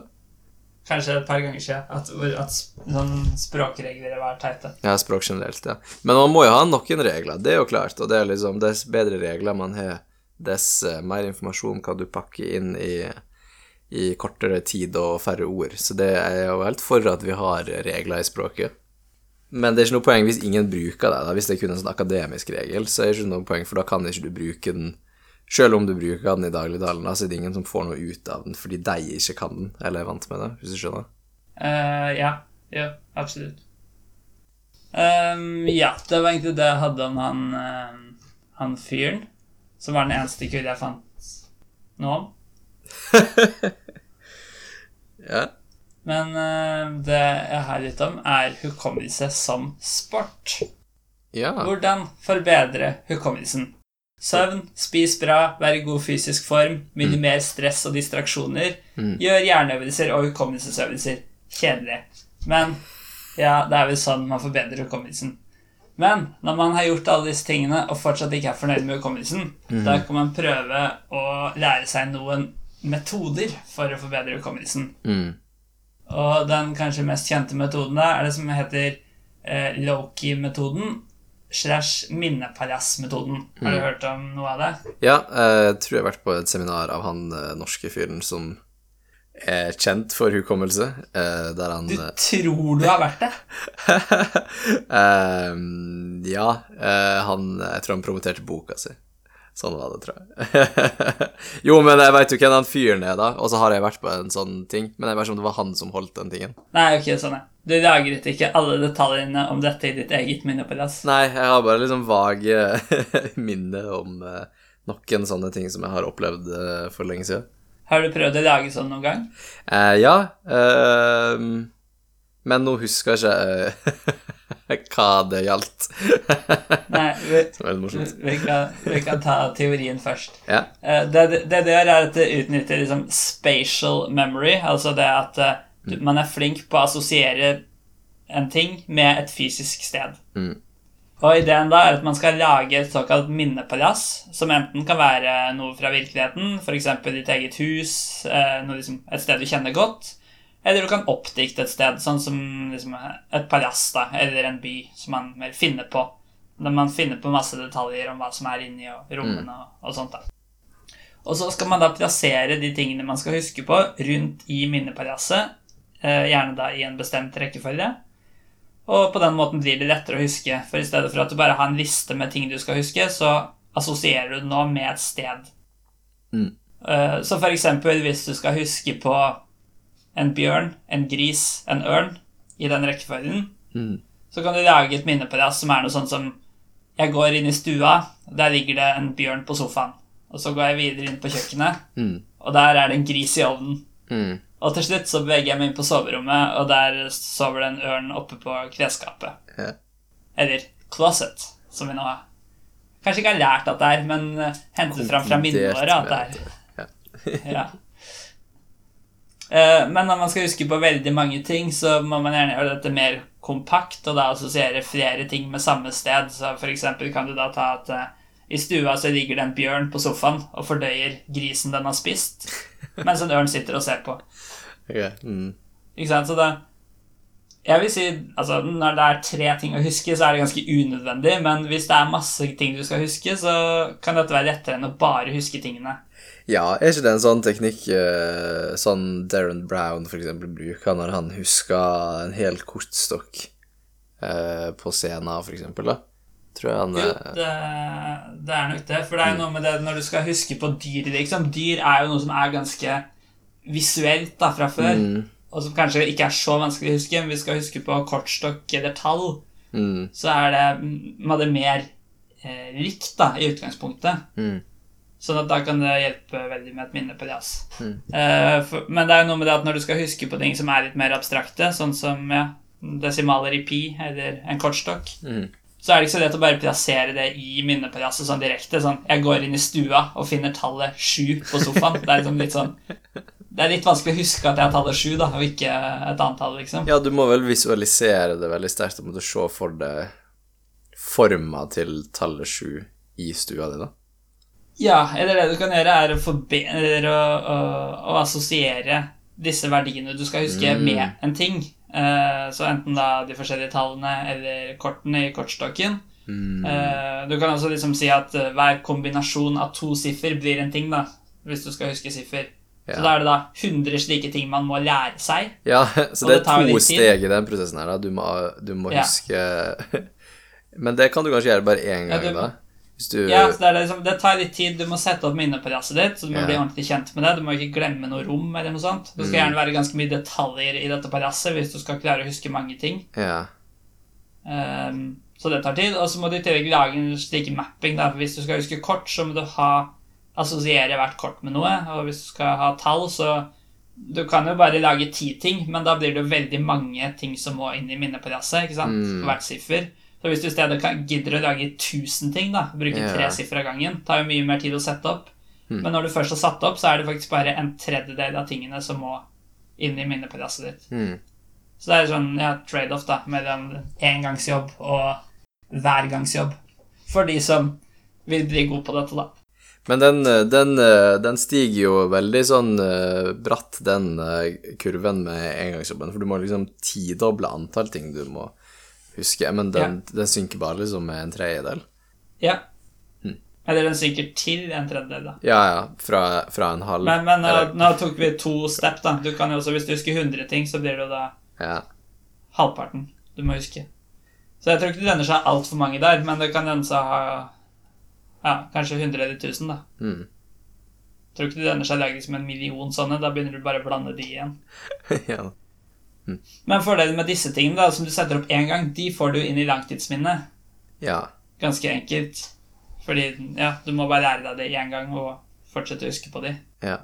Um, men for eksempel da, hvis man skal huske på tallet 11, så kan man tenke liksom at eh, 11 det er liksom to streker, ser kanskje ut som to trær eh, som står ved siden av hverandre. Så da kan du tenke at ok, 11 er skog. Ikke sant? Så er det jo kanskje litt lettere, da. Ikke sant? For det er to trær. Ja. Så da kan du gå Jeg går inn i stua, men midt i sofaen har det vokst opp en stor skog. Ok. Helve Men du, altså, du kan jo også bare assosiere de med noe vilkårlig. Liksom, ok, én er banan, to er eple, tre er appelsin, liksom. Men det, at det kan være enda enklere da, hvis du kobler det med noe som det ligner litt på. Jeg syns det er kult. Jeg har prøvd Ok, jeg prøvde en gang liksom Jeg tenkte jeg skulle faktisk prøve å sette opp noe sånt her, men det gadd jeg liksom ikke å gjøre ferdig. Men så altså, jeg har prøvd et par ganger hvis jeg er sånn engangsjobb. Jeg skal bare huske litt mange ting. Mm. Eh, gjerne ikke tall, da, men noe litt mer visuelt, kan du si. Mm. Jeg husker, nå har jeg ikke noe eksempel her og nå, men uh, da har jeg bare prøvd å sette opp noe sånn akkurat der og da. da. Ikke ha noe forberedt minneplass, men bare prøve å assosiere det med rom i huset, liksom, for eksempel. Ja. Og forvente at det kanskje kan hjelpe litt, da. Ja, det har jeg også følt. Jeg har gjort noe lignende, tror jeg, i forbindelse med eksamen eller sånne ting, der jeg skulle liksom huske en sekvens med ting. Um, Ja, det er litt kult. men vel, litt mer sånn abstrakte ting, da. Ikke sånn konkrete liksom, årstall eller noe sånt, men mer sånn Nei. disse tinga burde jeg gjøre i den rekkefølgen her, og på en måte ha en sekvens med rom, for eksempel, for å huske det, da. Ja. Ja, litt sånn matematisk prosedyreaktig, liksom. Ja, for eksempel, ja. Mm. Det ble det da arrangert VM i hukommelse. Har blitt gjort siden 1991. eh, Der de konkurrerer da i ti forskjellige disipliner. Inkluderer bl.a. å huske flest mulig tall på en time, flest binære tall på 30 minutter, huske flest kortstokker på en time, huske flest tilfeldige ord på 15 minutter, og huske flest abstrakte bilder på 15 minutter, er da noen av dem. Hvordan abstrakte bilder, hvordan funker det? Eh, Jeg har ikke satt meg inn i det, men jeg antar da det er bare merkelige bilder, og så etterpå skal du kanskje sette i rekkefølge eller noe sånt. da. Mm, sånn, ja. Hmm. Um, Flest kortstokker. Det er liksom ikke flest kort, men det er flest kortstokker. Disse folka er jo helt rå. Ja, ja. På en måte hjelper det litt at det er kortstokker, da, for da blir en hel kortstokk ferdig før du begynner på neste, antar jeg. At det ikke kommer åtte Ah, ja, det er godt. kløveres på rad. Som for så vidt hadde vært lettere å huske, da, hvis det var akkurat det. Ja, det mm. Eh, I tillegg så prøvde jeg å finne ut hva den tradisjonelle hukommelsesverdensrekorden, sånn jeg tenker på det i hvert fall, må jo være desimaler i pi. Okay. Det er sånn. Mm. Ja. Mest bortkasta, men likevel kanskje mest kjente sånn hukommelsesgreie. Yeah. Jeg klarte ikke å finne sånn veldig tydelig verdensrekord. Det var litt sånn tvetydighet, og sikkert litt forskjellig hva som var lov. Det skulle jo vært ganske greit, for jeg, hva som skulle vært premissene for det, men uh, sånn rundt 70 000 siffer, da, tror jeg er, er rekorden. 70 000. Det er en person som 70 husker 000 siffer. 70 000 siffer. Det er jo latterlig. Hvordan De må jo huske det liksom chunka på ti siffer. Eller jeg skjønner hva jeg mener. Du kan ikke huske 70 Ja, vi skal ha det i 000 arbeidsminnet. Ja, For det, det er jo fordelen med å huske pi fremfor å huske tilfeldige tall, som er i VM, da. Fordi når det er i VM, da har du jo kort tid på å lære det. Her Ja, ja. kan du sitte hele livet og pugge det. ja. Og det endrer seg jo ikke. Ja, ja, ja. Men likevel, da, det er Jeg tror ikke jeg kan 70 000 forskjellige fakta engang. Du kan nok 70 000 norske ord, tror du ikke det? Å ja. Og altså, Hmm. nei, Kanskje du ikke kan det, men du kan nok mer enn 70 000 ting når vi setter det sammen med alle andre ting du kan. Ja. Men uh, hm. nei, Man kan mye. Men uh, Man kan mye. jeg, jeg ville ikke brukt så mye tid på å lære siffer i, i pi. Dette er for så vidt ca. 17 timer å lese de opp når du skal bevise verdensrekorden. Oi. wow.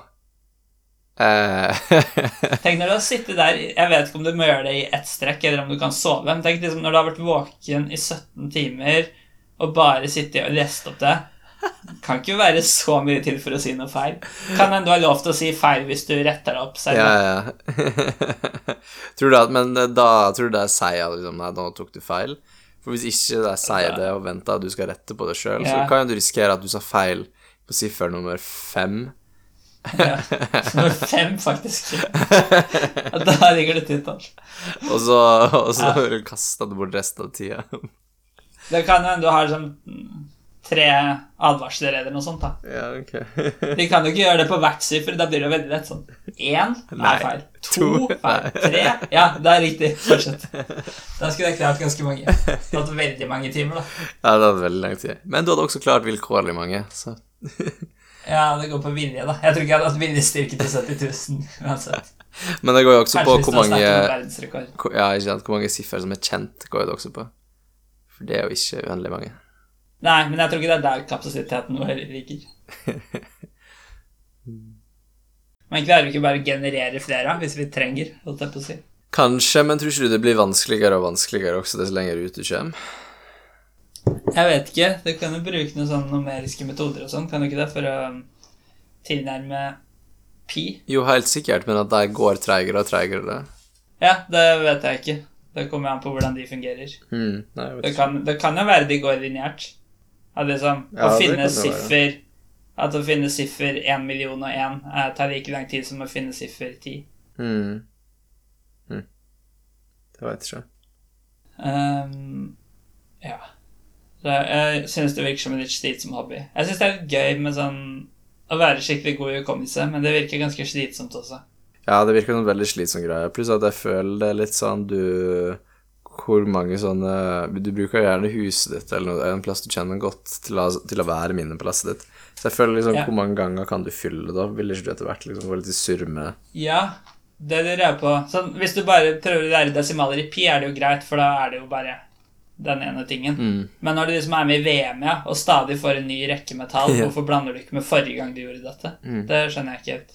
Men det er kanskje fordi det ikke går inn i langtidshukommelsen, da. Det er det som redda deg, på en måte. Ja, eller det må jo gå litt inn der, da, hvis det bare er 30 sekunder. Men du kan jo si det er jo masse jeg husker etter 10 minutter, som jeg ikke husker etter en uke, Mm. liksom. Så det må jo være forskjellige grader der. Så det, er, det kan nok være litt sånn. Men jeg syns det er litt rart, det. At man, Ja, man ja det er det. Uh, ja. Uh, det var det jeg hadde om hukommelse som sport. Litt sånn smågreier til slutt. På den lista finner vi annet Memento. Det er jo tatt. okay. Eh, yeah. Det som er gøy, er at eh, minner kan sendes over generasjoner. Eh, What? For eksempel hvis du opplever noe traumatisk, så kan det påvirke DNA-et og bli overført til fremtidige generasjoner. Nei, er det sant? Det høres ut som tull. Det er vel en teori, i hvert fall, ok. som er ganske merkelig. Jeg skjønner ikke helt hvordan det virker. Nei, det høres Er det, rart ut. er det et minne i hjernen, og så blir det satt inn i DNA-et, og så blir det på en måte sendt inn i hjernen igjen? Som jeg føler ikke DNA har så mye med minner å gjøre. Nei, det høres veldig rart ut. Men man har jo instinkt, da. Det er jo en slags uh, Ja, Det er jo noe du arver, som på en måte forteller deg hva som er farlig, og hva som er bra, på, ja det, det kan hende det er litt mer med det å gjøre. på et plan.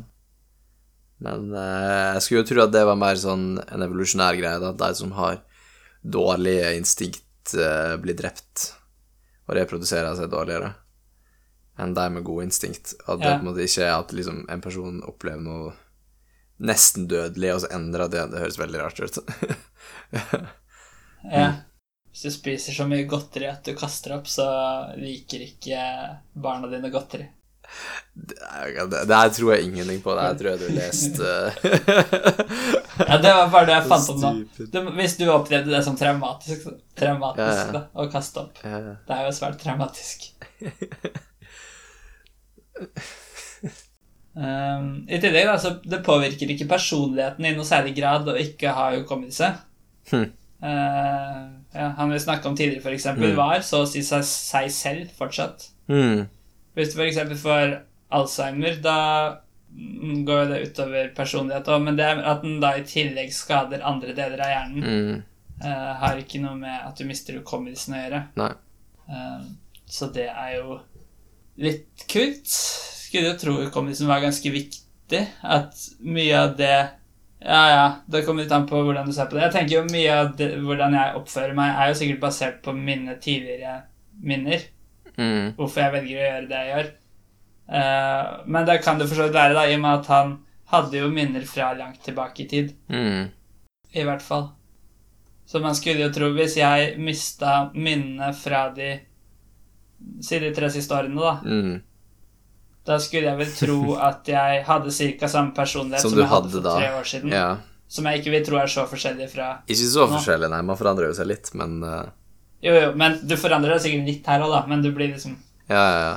Du blir ikke en helt annen person. Nei, det gir I tillegg, du mister jo en del egenskaper, da, bare sånn til å gjøre ting. Mm. Sånn, men det går vel da ikke på personlighet, sånn sett. Nei. Spørs hva type egenskaper du mener, da, for det virker jo som han kunne de fleste tinga likevel. Um, Ja, men jeg vet ikke, liksom, hvis du har en samtale med han over et par timer, liksom, så antar jeg ja han glemmer det. Og så er det også noe med det hvis han selv Jeg vet ikke hvor bevisst han er på at han ikke har hukommelse. Det kommer an på om han husker det eller ikke. Ja, da må jeg fortelle han Eh. de utrolig dårlige nyhetene på nytt og på nytt og på nytt og på nytt. Ja, eller, ja, det vet jeg ikke, da, om de måtte. Eller om han på en måte Mm. At det var en sånn type ting som han Den var så fundamental, kanskje, da, at han kunne huske på det. Mm. Det vet jeg ikke. Mm. Men, eh, men hvis du er klar over det selv, så kan du også endre ditt personlighet fordi du vet Ja. du har et ganske stort handikap, liksom. Mm. For eksempel at du blir mer innadvendt, da, fordi du vet det er noe veldig galt med deg. Psykolog Eivind. Det er eh, ganske presist, vil jeg si. Ja, det er sikkert sant, det. Eh, men ja, for det er liksom en annen type dette kan påvirke personligheten på. Mm. Men det er sikkert veldig individuelt. Og, og så må du huske det, da. ja, det var det. Til slutt så vil jeg bare snakke litt mer om meg selv, selvfølgelig. Ja, Vet du hva, vet du hva synestesi er? Har du hørt om det før? Ja, det er sånn du kobler eller blander på en måte forskjellige sanser eh, Ja. med hverandre, så du ser kanskje lyd eller litt sånn type ting. Har du det? Um, det spørs jo nøyaktig hvordan man definerer det, men til en viss grad så Jeg har veldig sånn sterk fornemmelse av, eh, av farger på tall og bokstaver. Ja, da har du det. Um, men uh, men det, det tror jeg må være det eneste. Ja, ok. For det er ganske uvanlig. Jeg har det også. Um, før trodde man det var skikkelig uvanlig, men nå er det blitt litt tyder på at det er litt mer vanlig. Men sånn mellom en halv prosent og fire prosent av befolkningen har det. Så da er det litt kult at begge vi har det. Hm. Eh, for det er nemlig det, er en positiv diagnose eh, som eh, Hva betyr det?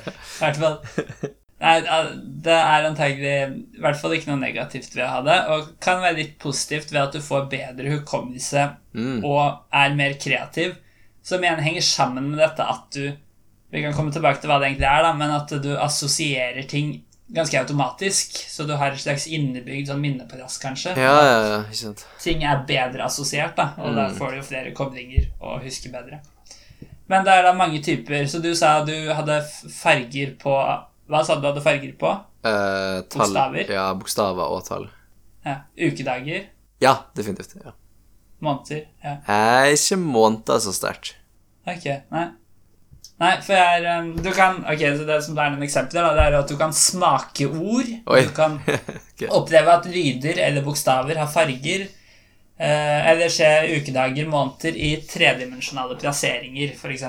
Ja, ok, men det har jeg også, da, definitivt. da. Det har liksom en sånn tredimensjonal Eller ja, ja tredimensjonal øh, øh, måte jeg ser liksom året på. Um, Ja, det, det kan nok være todimensjonal også, da, for så vidt. Men er ikke det ganske vanlig? Det er litt som du ser for deg en kalender, på en måte. Ja, men det er nok mer at um, um, ja, Nå vet jeg ikke, for jeg har, det, jeg har den siste her, den som da kalles spatial sequence synestesi. Ok. At du ser ting i rommønstre, da, på en Mm. måte. Jeg er, ikke, jeg er ikke den med farger, som du i tillegg har, da. ok. Og der, derfor, jeg aner jo ikke, jeg kan ikke uttale meg om hvordan andre ser på det.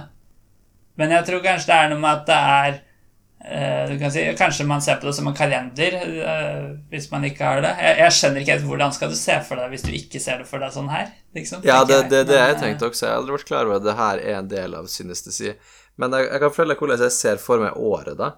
Uh, for meg Ja. så er det en svær eh, ring, på en måte.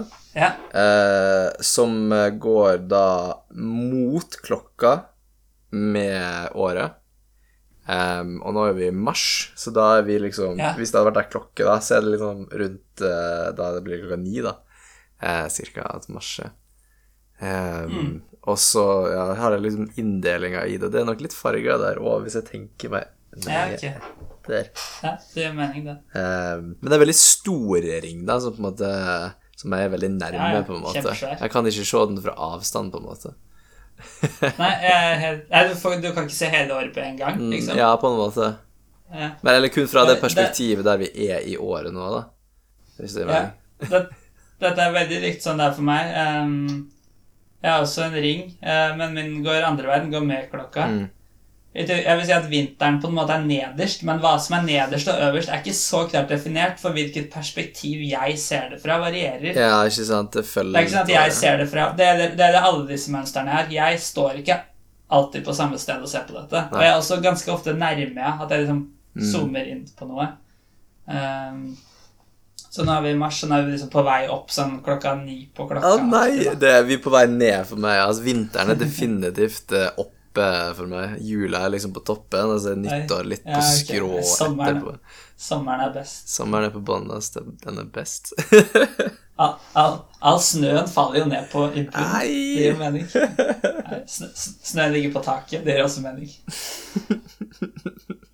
Men eh, jeg tror ikke den er en perfekt sirkel heller. Den er litt sånn bulket og sånn. Ja, sant, det er jeg også. Og desember tar veldig stor plass. Som jeg syns er litt komisk. Men, ja, ja. Fordi det er liksom Jeg tror det stammer fra liksom, det har vært en veldig sånn uh, advent og sånn er jo, er jo veldig sånn stor greie når man er liten, og man liksom gleder seg veldig til jul, da. Så liksom, Ja, okay, desember tar nesten halve året for meg, altså. Oi. Nei, jeg tror for meg er månedene ganske like, men jeg tror ikke den er en helt fast form. Jeg tror ting liksom bølger litt, eller hva man skal si. Uh, ukedager, da? Eh, ja, det er litt rart, for det henger liksom ikke sammen i det hele tatt. Jeg ser ukedagene i en sekvens liksom fra venstre til høyre. Um, bare på en Ja, bare en, rekke? Ja. ja. Ja, da er det da synes du si? Det vet jeg. For jeg vet ikke hva alternativet er. Nei, for det er jo bare en kalender, på en måte, føler jeg. Ja. Og det vet kanskje ikke du heller, hvis du har det. Ja, nei eh, Ja, Men ser andre folk på det som en kalender? Send oss en mail. vitenskapeliggnonsens.gmail.com. Men altså, det er jo egentlig ikke kalender, da. Det er bare ei lang, ei lang rekke, da. Ikke noe under hverandre, på en måte. Ja, for jeg ser også på det som en slags sirkel, men jeg tror den er litt sånn flat i bånn på helga. Helga er i bånn. Å nei, er det Så- sant? ja. Så, så um, liksom, Den går også med klokka, da. Men jeg tror den er mye mer oval. Liksom, den er lenger Mandag og fredag, Ja, ja, som ja, er på breddene, er lenger fra hverandre enn onsdag og helga. da. Men tror du at men, Eller følger du liksom Følger du den uh, ukesirkelen rundt, på en måte, i løpet av uka? Ditt perspektiv? Ja, hvis jeg tenker Altså bare når jeg tenker på ukedagene. Ja, ja. Men hvis jeg tenker på hvilken dag i uka det er, og sånn, så tenker jeg på den sirkelen. Den er forresten mye mindre sirkel enn årssirkelen. Ja, det føles mindre. Bokstaver, da? Um, nei, altså Jeg føler ikke man har det samme behov for å ha liksom bokstaver i sekvens, eller ha en sånn rommelig forståelse av det. Ja, man har jo en har vist... Når er, når er dette handla om behov? Det bare er sånn. Det er jo sånn fordi man eh, vil vite hvor i året og hvor i veka man er, da, som er en slags Det er jo en slags romlig greie, det, da. Eh, Ja, men samtidig så altså Hvis du lager et minnepress, da går du aktivt inn og nå vil jeg strukturere disse minnene på en måte. mm. Men dette er, bare, dette er noe jeg har hatt eh, siden liksom, jeg gikk i barnehagen, og det har ikke endra seg hvordan strukturene ser ut. Ja, nei, ja, ja, ja. Nei, jeg har samme eh, opplevelsen at det er bare noe jeg har hatt uh, så lenge jeg kan huske. Men jeg tenker at det er jo en grunn til at det er sånn, og det er fordi man, man har behov for å tenke på Eller liksom regne på disse tinga, på en måte. Hvis det er noe. Du ser hvor langt unna sommeren det er, for eksempel. Ja. Uh, for meg er bokstavene to linjer uh, som går Altså Det kommer an på perspektivet mitt, men som regel går de baklengs, på en måte motsatt av veien du leser. What? Og i tillegg så, så er liksom A er nederst til høyre, og så går du bort til O, og så begynner P-en ikke rett over A-en, litt til siden for A-en, og så går du bort til Å. Det er rart. Og så er det også, hvis jeg eksempel tenker på kanskje navn, mm. Uh, og for eksempel kanskje land iblant. Noen ganger ser jeg også for meg landet på et kart, men hvis jeg mer tenker på navnene på landet, Mm. eller kanskje bilmerker og sånn, Mm. så assosierer jeg de med hvilken bokstav de begynner på, og så er på en måte de plassert i forhold til hverandre på bokstavene igjen, da. Ja. Huh. Så for eksempel, du, du Tarjei, du liksom eh, Du er til en viss grad, noen ganger, da, spesielt hvis jeg tenker på navnet ditt, Ja. plassert der T-en er plassert. Ja, nettopp. Det er utrolig rart. Og det siste, det siste jeg kom på at jeg har det på, er eh, tall. da. Ja. Det kan hende det er på flere ting som jeg ikke tenker på nå. Ja. Men det er det merkeligste, for da går det sånn- Det går ikke helt rett, men det går ganske rett oppover til 20. Ja. Og så går det bortover til 100-aktig. Og så går det opp til 20 000, bort til 100 000, Oi. opp til 20 millioner. Det går liksom opp til den 20, og så bort til 100. Men så er ikke det helt riktig heller, for sånn fra 100 så går det opp til 20 000, som sagt, men det er likevel en slags knekk på 120, da. Det er noe veldig spesielt på 20. Det er det alltid knekk. Hva er det som har skjedd med deg og 20? Det her er jo Jeg vet ikke. Kanskje var det høyeste tallet jeg visste om da jeg var veldig liten og faktisk begynte å konstruere disse Ja, ja, ja. systemene. Jeg vet ikke. Går det rett opp, eller er det mer sånn skrått oppover, eller hvordan ser du for Det, deg det, det? det, det, det er absolutt ikke noen perfekte svinger. Det er skikkelig sving... Altså dårlig konstruert, da, for å si det sånn. Mye hakkete greier. Men den generelle regelen er alltid opp til 20, bort til 100 Men, men tenker du rett, opp, 20 000. rett oppover, liksom vannrett oppover til 20, eller er det mer sånn slak oppoverbakke? Nei, det, det er en todimensjonal greie det her, vil jeg si. Ja, ja. Mm. Så det blir bare rett oppover og så rett bortover. Men det kommer også an på mitt perspektiv igjen, da, for jeg kan se dette fra forskjellige vinkler. Og de negative tallene går ganske likt, bare at de liksom er litt til venstre, da. Du- Men de svinger fortsatt alltid til høyre Hm? I svingen, på 20, liksom. Hva mener Det du? går opp til eh, De positive tallene går opp til 20, og så bort mot høyre til 100. Ja, det er mening. Ja, men de, de negative går også bort til høyre. Hæ?! Så, så det er ikke speilvendt. Begge går bort mot høyre når de blir høye tall. Du har jo en helt forskrudd eh, forståelse av størrelsene på tall. At du ser for deg liksom at 19 er mye nærmere 20 enn det liksom 21 er, for eksempel. Eller? Ja, det kan jo hende. Men, men øhm, jeg lurer på når dette har blitt lagd, liksom. Ja. Fordi jeg, kan, dette, jeg har hatt sånn så lenge jeg kan huske å ha tenkt på tall. Hæ. Er, liksom, er det sånn der hver ett år, liksom, så ble dette generert? Eller hvordan funker det? Kanskje det er medfødt, da? En genetisk eh, knekt Ja. tallinje. Det er i DNA-et, liksom. Ja. Nei, jeg, sy- jeg, jeg syns det er gøy, men eh, jeg skjønner ikke hvordan er det hvis man ikke har det.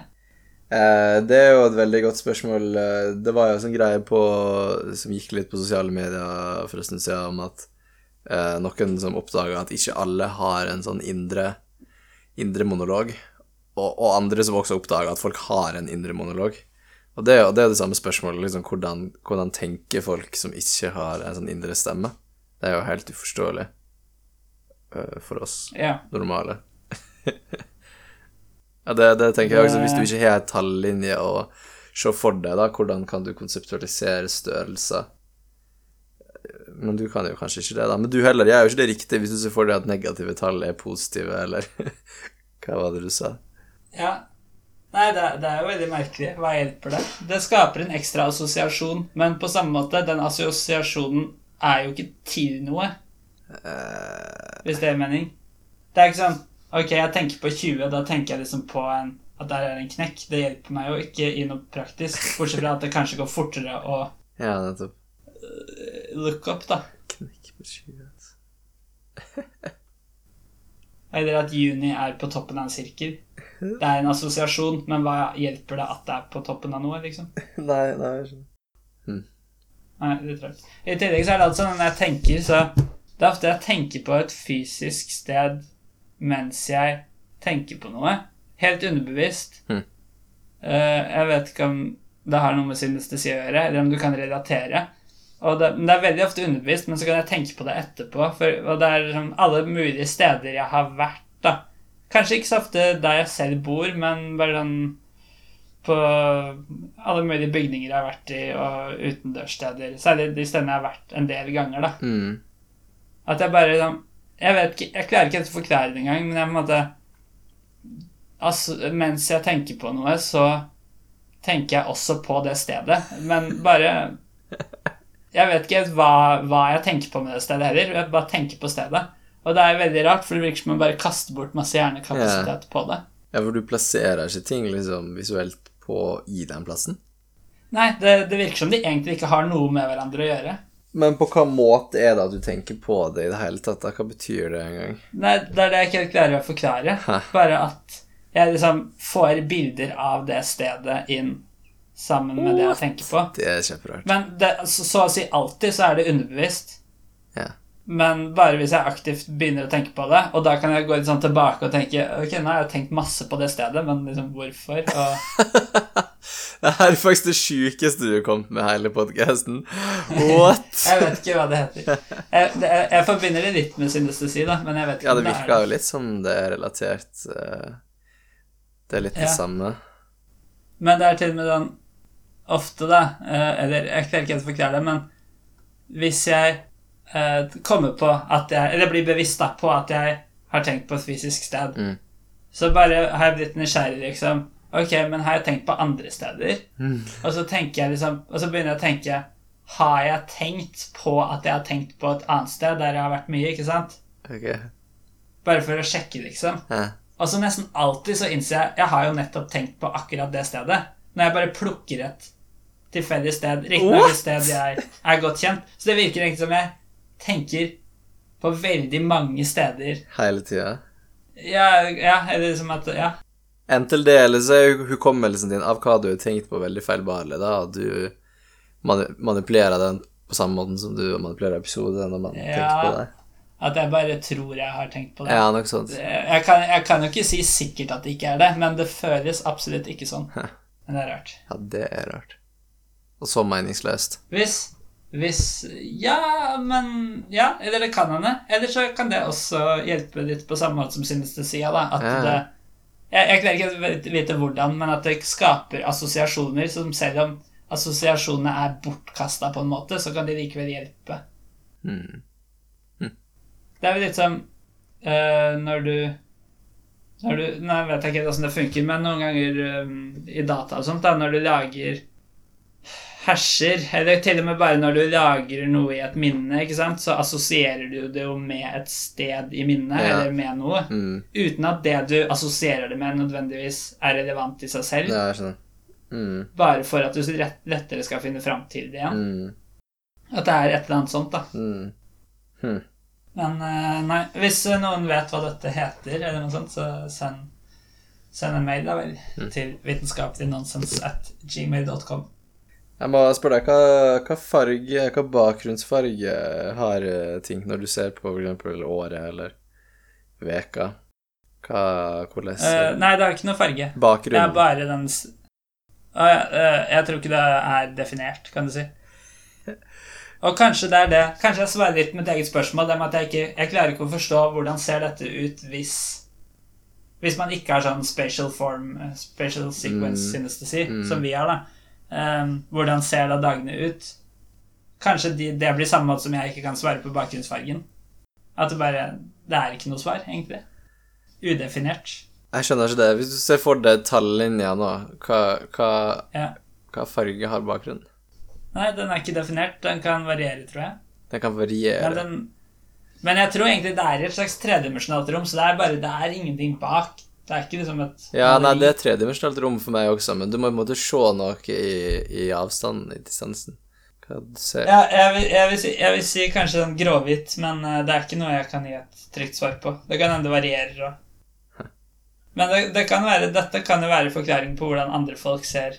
Ja, ja. Fordi du, du har jo hva, Hvordan ser din ut, da? Den er litt sånn gråhvit. Litt sånn, det er en lysfarge, ja, men det er ikke sånn blendende hvit. Ja. Men, den ikke, Så- det, men jeg ser jo definitivt en farge der, hvis jeg på en måte fokuserer på det. Så er det jo en farge der. Men du har jo da Virker det som har to typer synestesi, som gjør at du kan svare på begge disse spørsmålene. Ok? Jeg, ikke sant? Du kan svare på farge og hvordan det ser ut. Ja, ok. Jeg har bare, jeg har bare den med rom, oh, ja, romform, okay. det er noe annet. så jeg kan bare svare på det spørsmålet. Hmm. Mens hvis du ikke har noen av dem, så kan du bare ikke svare på noen av spørsmålene. Og det er på en måte, hvordan ser du for deg tallene? Nei, du ser ikke for deg tallene. Det høres rart ut, men det er sikkert på samme måte som du syns det er rart at jeg ikke kan si hva bakgrunnsfargen er. Ja. Men for meg er det naturlig. ja. ja. Hm. Jeg lurer på om det her er litt grunnen til Fordi tenk hvor vanskelig det er å gjøre matte, for eksempel, da, hvis du ikke har noen sånn uh, visuell forståelse, eller klarer å eh, tenke på det på en sånn visuell, romlig måte. Det er en veldig viktig måte, føler jeg, for meg i alle fall, at jeg tenker på matte.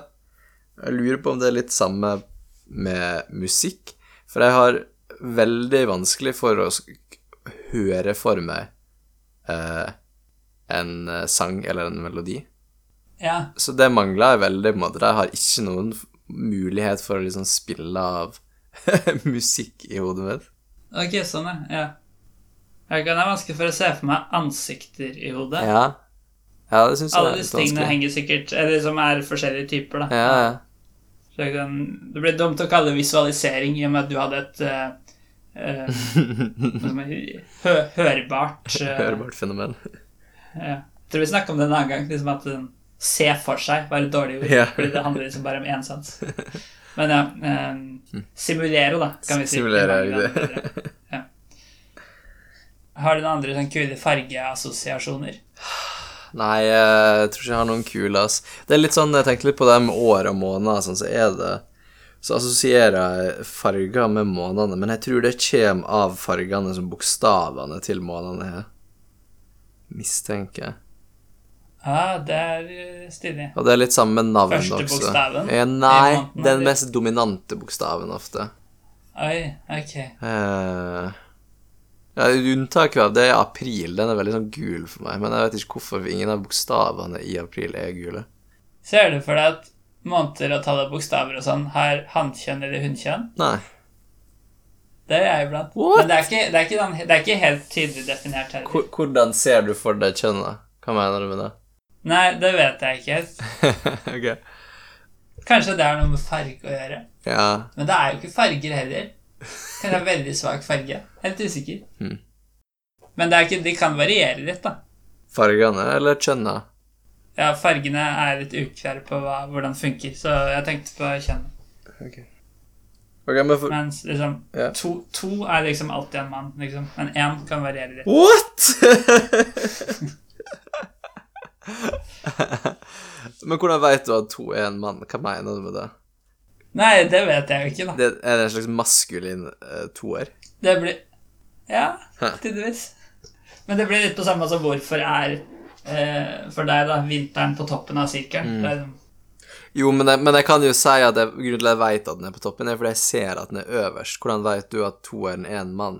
Ser Ja. du liksom kjønnsorganer, eller hvordan vet du det? Det er det jeg lurer på. Nei, jeg lurer på om det har Det er jo ikke farge heller, men jeg vet ikke. Du bare føler at to er, er maskulin. Ja, det er jo bare, det er bare en følelse. En følelse av mann. To, toeren har skjegg. ja, men det, det var det jeg lurte på, da. Om du så liksom sånne maskuline Nei. trekk, eller om det er bare en Nei, følelse av Det er bare, det er bare tall. Når du skal løse ei ligning, klarer du å gjøre det Ja. i hodet? Det kommer jeg på hvor vanskelig den er. Jo da, men- jeg tror Men- selvfølgelig, men Men eh, liksom enkle ting, da. Uh, ja. Og da ser du for deg strukturen til ligninga, tallene, som om det er skrevet på ei side, eller på ei tavle, på en måte? ja jeg, jeg tror ikke jeg bruker så mye det, det vi har snakka om nå, da, nei. Da er det mer det jeg ser for meg ligningene. Mm. Men det er liksom som om du ser på den skrevet på et ark, da. Du ser den liksom Ja, den er visuell, ja. Ja, for det. Mm. Ja. ja, for det er sånn jeg Jeg hører ikke ligningen. Det har vært litt stille. Jo, men det er sånne ting jeg tenker på, at det, det er det som gjør matte sånn vanskelig for noen, at jeg ikke har den evna til til å se den for sitt indre, og på en måte manipulere eh, objekter visuelt på den måten. Ja, på samme måte som du ikke klarte med, Med musikk, lyd. Ja. Eller musikk, i hvert fall. Mm. Ja. Mm. Det, det er nok sant. Ja, flaks vi har den egenskapen. ja. det er jo på en måte det. Men det jeg tenkte på, hvis vi skal, Nå har vi jo for en gangs skyld en bra avslutning på podkasten. Vi skal ringe et random telefonnummer. Å. Men vi holder, jo, vi holder jo på å ringe nå, så vi må finne på et eller annet dyrt. Ja, jeg- For jeg kan jo ikke ringe et nytt nummer. Nei, vi, det vi kan gjøre, er å slå deg opp på 1881 og nøye oss med det. Det er jo litt feigt. Vi, vi ringer. Ok, jeg ringer du da. Um, men hvordan skal vi gjøre det? Sånn teknisk. Nei, det, det høres jo vanskelig ut, uh, og jeg tror det er du som må gjøre det. Jeg kan gjøre det, men uh, ok, nå vet jeg det. Eh, vi, må, du må, vi må ringe hverandre opp på PC-en. Eller jeg, du kan bruke mobilen, men jeg må bruke PC-en, sånn at mobilen min blir fri. Ja, skjønner. Ok, da, Vi kan bare la opptaket stå, men vi kommer sikkert til å klippe vekk litt av denne pausen, så da okay. eh, sier vi 'We'll be back soon'. Ok, da er vi tilbake. Da skal vi se. 98, 56, 12, 35. Um, 98, 56, 12, 35, ja. Det var det vi hadde. Ja, vi husker det jo fortsatt. Ok, here we go. Speaker on. jeg visste det. Oi. Yes. Det var da voldsomt. Ja, ja, da håper jeg det ble høyt nok til at man hørte det på Det opptaket. var antiklimatisk. Nummer ikke i bruk, og så kom det tydeligvis en alarm på grunn av det. Da får vi bare si ha det bra. Takk for nå.